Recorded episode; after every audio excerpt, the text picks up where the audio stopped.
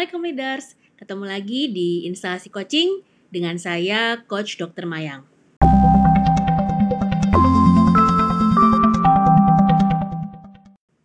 Episode kali ini saya memulai serial baru di podcast instalasi coaching yang saya beri judul Buka Mata. Dalam serial ini saya tidak akan membahas referensi buku, namun saya akan membahas kasus-kasus terkait proses dan people di rumah sakit yang disampaikan kepada saya oleh pasien maupun praktisi rumah sakit itu sendiri.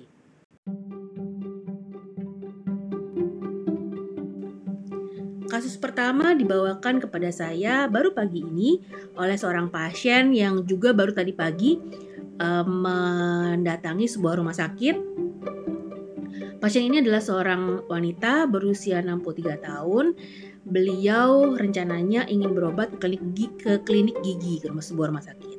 Pasiennya menggunakan BPJS, sudah mendapatkan rujukan dari um, puskesmas vaskes primernya, kemudian datang ke rumah sakit. Nah, kalau rumah sakitnya kebetulan dekat rumah, jadi uh, ibu ini sudah tahu bahwa harus ngambil nomor antrian dulu. Jadi pagi-pagi jam 6 kurang sudah datang ngambil nomor antrian untuk mengantri di loket. Kemudian pukul 7 datang lagi untuk uh, mengantri loket pendaftaran yang tadi ya. Di loket pendaftaran mendapat uh, nomor antrian untuk ke klinik gigi adalah nomor 2. Namun sebelum beliau bisa ke klinik gigi, ternyata dapat satu nomor antrian lagi yaitu untuk mengukur tanda vital. Nah, antrian beliau ada di nomor 38 untuk mengukur tanda vital. Ibu ini heran karena sebelum-sebelumnya uh, di rumah sakit ini ketika beliau melakukan perawatan gigi di sebelum-sebelumnya tidak pernah ada seperti ini. Biasanya setelah ke loket pendaftaran ya langsung saja ke klinik gigi untuk uh, untuk um, diukur tanda vital sama perawatnya langsung tinggal menunggu nanti untuk di ketemu sama dokter giginya gitu ya. Nah, um, kemudian beliau datang ke tempat mengukur tanda vital. Ibu ini melihat ternyata uh, semua pasien rawat jalan harus mengukur tanda vital di satu tempat yang dilayani oleh dua orang perawat. Tempatnya itu di lantai dua, ruangannya agak tertutup, tidak terlalu banyak ventilasi. Dan saya harus bercampur dengan pasien yang sedang batuk, yang sakit berat. Padahal saya di sini hanya hanya ingin untuk perawatan gigi saja. Jadi pasien ini bertanya dan sempat komplain juga, mengapa rumah sakit ini membuat kerumunan dengan mengumpulkan semua pengukuran tanda vital di satu tempat. Padahal sebelumnya prosesnya sudah bagus. Masing-masing pasien ditensi di dekat klinik tempat yang yang ia tuju saja sehingga tidak terlalu panjang antrian uh, untuk mengukur tanda vital dan sudah tersekat-sekat bahwa memang pasien yang um, punya infeksi saluran pernafasan uh, di satu tempat, sementara pasien yang tidak di satu tempat yang berbeda. Dan karena ibu ini cukup teredukasi tentang uh, protokol kesehatan dan sebagainya, kemudian dia juga membuat dirinya sangat cemas karena dia tahu dia lansia dan berisiko tinggi. Akhirnya saya nggak jadi berobat dok. Saya uh, datang lagi ke loket, kemudian bilang saya nggak jadi berobat. Dan saya sampaikan bahwa Kenapa kok berubah seperti ini? Menurut um, petugas yang di pendaftaran, memang sudah aturannya begitu. Nah, ini adalah kasus pertama yang akan saya coba bahas dari sudut pandang coach dan lean management.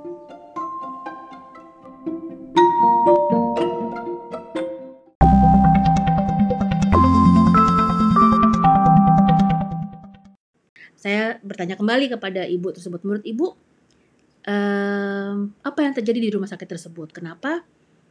Kenapa terjadi perubahan proses yang menurut ibu kok lebih tidak aman tadi, lebih tidak aman bagi pasien maupun bagi petugas perawatnya. Pasien ini menyampaikan, ya dok mungkin aja uh, mau hemat kali. Tadi sih kata satpamnya, kata, ketika pasien ini bertanya, ber, apa, menyampaikan ketidak ketidakpuasannya atau kecemasannya kepada satpam, satpam bilang iya bu perawatnya uh, kurang karena banyak yang ada yang dibagi dengan yang melayani vaksin. Mungkin uh, perawatnya kurang atau jumlah tenaganya kurang kali dok. Oke, Terus apa lagi Bu menurut Ibu uh, kenapa hal ini terjadi?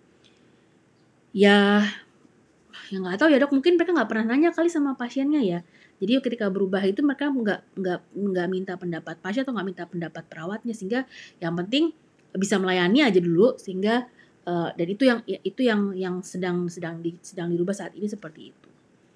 Baik. Apakah ibu sebagai pasien nih kalau ditanya sama rumah sakit tersebut ada ide nggak? Ibu ini menjawab ya kayak saya kan udah nenek-nenek ya dok dia bilang gitu. Kalau saya sih idenya sederhana aja kalau memang perawatnya kurang dan cuma ada dua orang yang hanya bisa melayani tensi ya dilakukan dibuatnya tapi di luar jadi mengantrinya di lapak di lapangan parkir itu dibebaskan dari semua mobil dan dibuatlah antrian ukur tanda vital di lapangan parkir di udara yang terbuka. Jangan di ruang tertutup seperti uh, di lorong di lantai dua tadi dan itu membuat saya sangat cemas, Dok um, saya khawatir saya cuma mau datang perawatan gigi aja tapi ketika saya nunggu lama untuk ngukur tensi aja lama banget bercampur sama orang-orang yang lain dan saya malah e, besar resiko tertular untuk penyakit-penyakit lain saya mendingan mendingan nggak usah nggak jadi berobat deh dok jadinya oh jadi menurut ibu idenya adalah e, kalau memang ter, tenaganya memang terbatas uh, dilakukan yang seperti tadi tapi dicari tempat yang lebih terbuka misalnya di lapangan parkir. Iya, rumah sakit itu lapangan parkir depan dan belakangnya cukup luas dok sebenarnya. Jadi bisa digunakan atau bisa mungkin sharing karena sebagian tempat parkirnya juga digunakan untuk mengantri uh, mengantri vaksin dan mengantri uh, periksa uh, ini periksa rapid test. Oke, okay. oke okay, baik bu. Terima kasih saya sampaikan terima kasih sudah memberikan uh, uh, informasi ini kepada saya, mungkin saya akan coba olah untuk bisa jadi bahan uh, diskusi dan pembahasan bagi rekan-rekan praktisi rumah sakit. Ketika Anda, Bapak dan Ibu leaders, sebagai kepala instalasi rawat jalan misalnya, atau kepala divisi pelayanan, mendapatkan informasi bahwa hari ini ada pasien yang batal berobat gitu ya, pasien BPJS yang batal berobat. Jadi sudah datang tapi batal gitu ya, bukan yang nggak datang. Sudah datang tapi batal berobat baik pasien BPJS atau pasien uh, partikelir atau pasien umum yang berbayar. Apa yang ada di benak Anda? Berapa sih jumlah pasien yang batal berobat di rumah sakit kita? Ada nggak ya? Kita mulai dari pertanyaan itu. Nah, pendekatan saya pertama untuk kasus seperti ini saya akan um, saya akan melakukan game bawak virtual gitu ya, saya akan jalan kepada uh, pemilik proses. Saya akan datang ke rawat jalan tersebut, saya akan berbincang dengan uh, petugas loket rawat jalan, kemudian saya akan berbincang juga dengan perawat rawat jalan, saya akan berbincang juga dengan perawat di klinik gigi misalnya dan perawat yang sedang menjalani uh, sedang melayani uh, ukur tanda vital. Pertanyaan saya adalah Sejak kapan prosesnya seperti ini? Tadi kita dapat masukan dari pasien bahwa proses kita yang sebelumnya pasien ini menilai lebih bagus dibanding proses yang sekarang nih untuk pengukuran tanda vital di rawat jalan. Yang sekarang ini menurut uh, yang yang Anda alami sebagai pelaksana Bapak atau Ibu, sejak kapan ya prosesnya berubah jadi seperti ini? Anda tahu nggak alasannya kenapa kita berubah, kita mengubah proses seperti ini? Berikutnya, bagaimana sih menurut Anda tentang proses kita yang baru ini? Apa kelebihannya dan apa kekurangannya dibanding proses yang sebelumnya? Menurut Anda, sebagai yang bekerja di Gemba ini, yang setiap hari melayani pasien, seperti apa seharusnya perbaikan proses untuk pengukuran tanda vital yang paling aman baik untuk ibu-ibu sebagai perawat di sini maupun untuk pasiennya di, di tengah segala macam keterbatasan yang kita punya. Seperti apa nih yang terbaik prosesnya?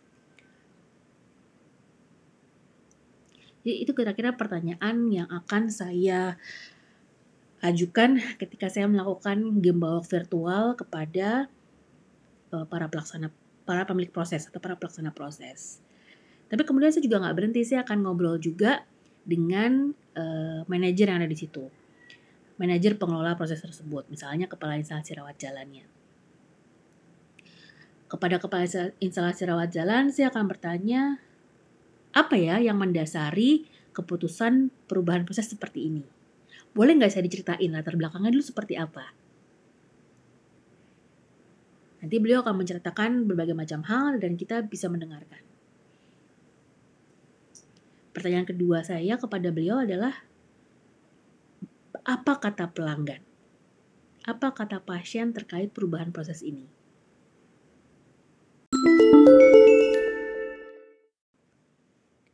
Kemudian saya juga akan bertanya kepada manajer dari unit uh, yang prosesnya sebelum dan sesudah uh, tanda fit, pengukuran tanda vital tersebut. Jadi misalnya berarti di uh, manajer yang mengelola pendaftaran ya, mengelola registrasi rawat jalan misalnya. Kemudian saya juga akan bertanya kepada manajer yang mengelola uh, misalnya um, farmasi yang setelah itu.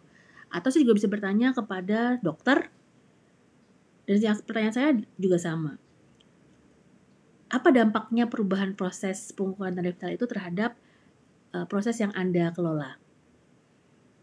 Menurut Anda, apa kelebihannya dan apa kekurangannya?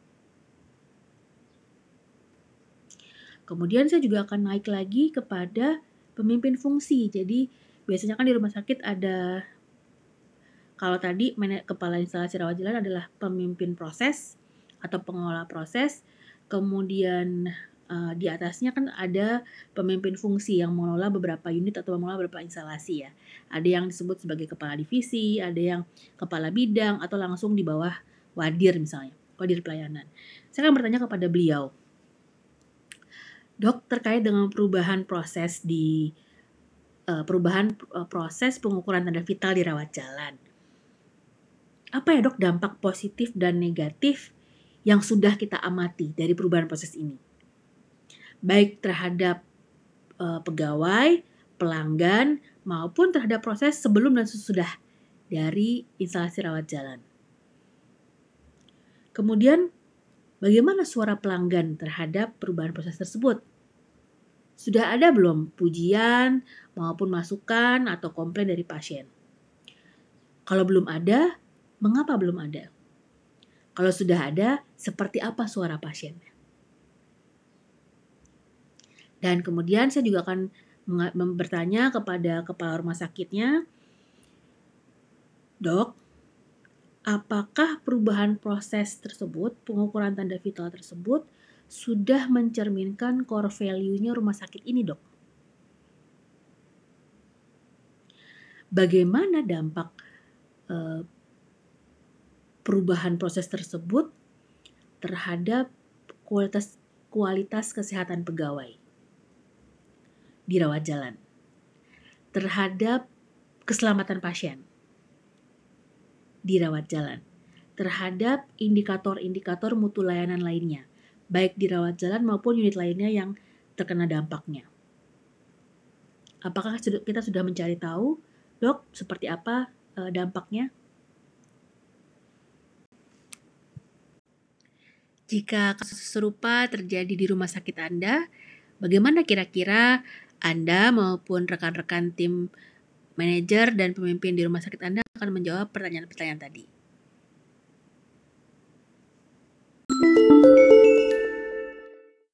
Nah, eh, pesan saya sebagai penutup dari bahasan kasus kita yang pertama ini adalah nomor satu, ketika kita melakukan perbaikan proses, harus selalu diingat untuk siapa perbaikan proses itu kita laksanakan.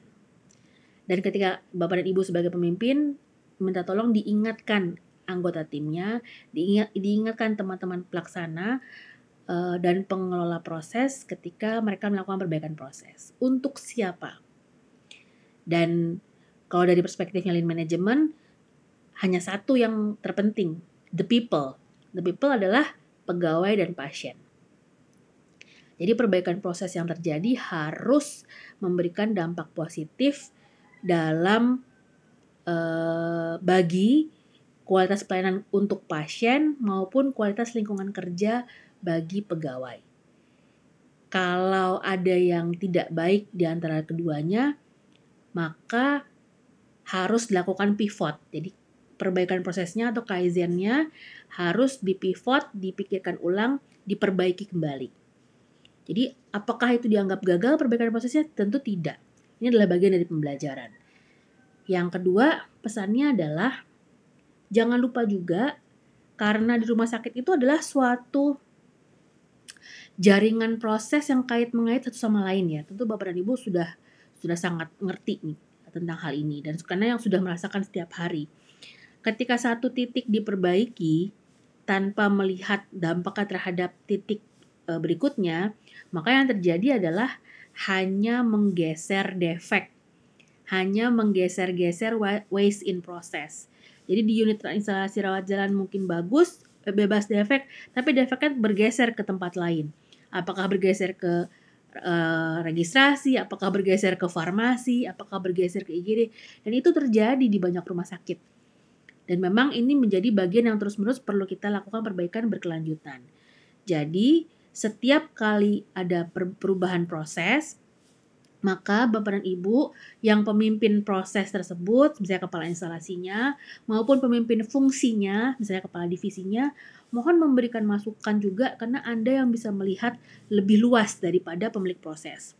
Teman-teman pelaksana yang melakukan Kaizen, merubah, melakukan perbaikan proses atau mengajukan Kaizen perbaikan proses seperti ini, tentu tidak memiliki kemampuan untuk melihat uh, melihat dari gambaran sistemik Nah, tugasnya Bapak dan Ibu yang sebagai pemimpin lah yang membantu mereka agar melihat bahwa kaizen yang mereka kerjakan sudah bagus, namun perlu dipastikan agar dampaknya betul-betul menghilangkan akar masalah.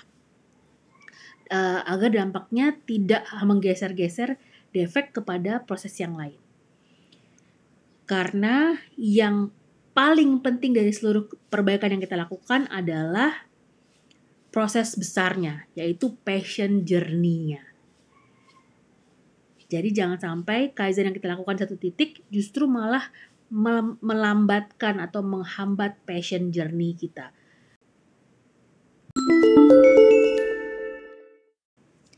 Alhamdulillah leaders untuk bahasan kasus pertama dari serial Buka Mata ini sudah selesai. Bagaimana menurut Anda? Apakah pertanyaan-pertanyaan yang saya sampaikan di sini menstimulasi pemikiran-pemikiran baru uh, bagi Anda atau bagi anggota tim Anda.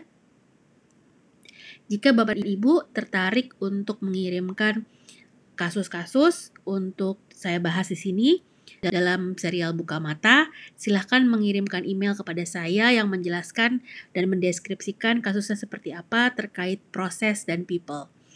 Emailnya nanti akan saya sampaikan di bagian deskripsi dari podcast ini. Mudah-mudahan bermanfaat. Sampai ketemu lagi insya Allah di instalasi coaching. Assalamualaikum warahmatullahi wabarakatuh.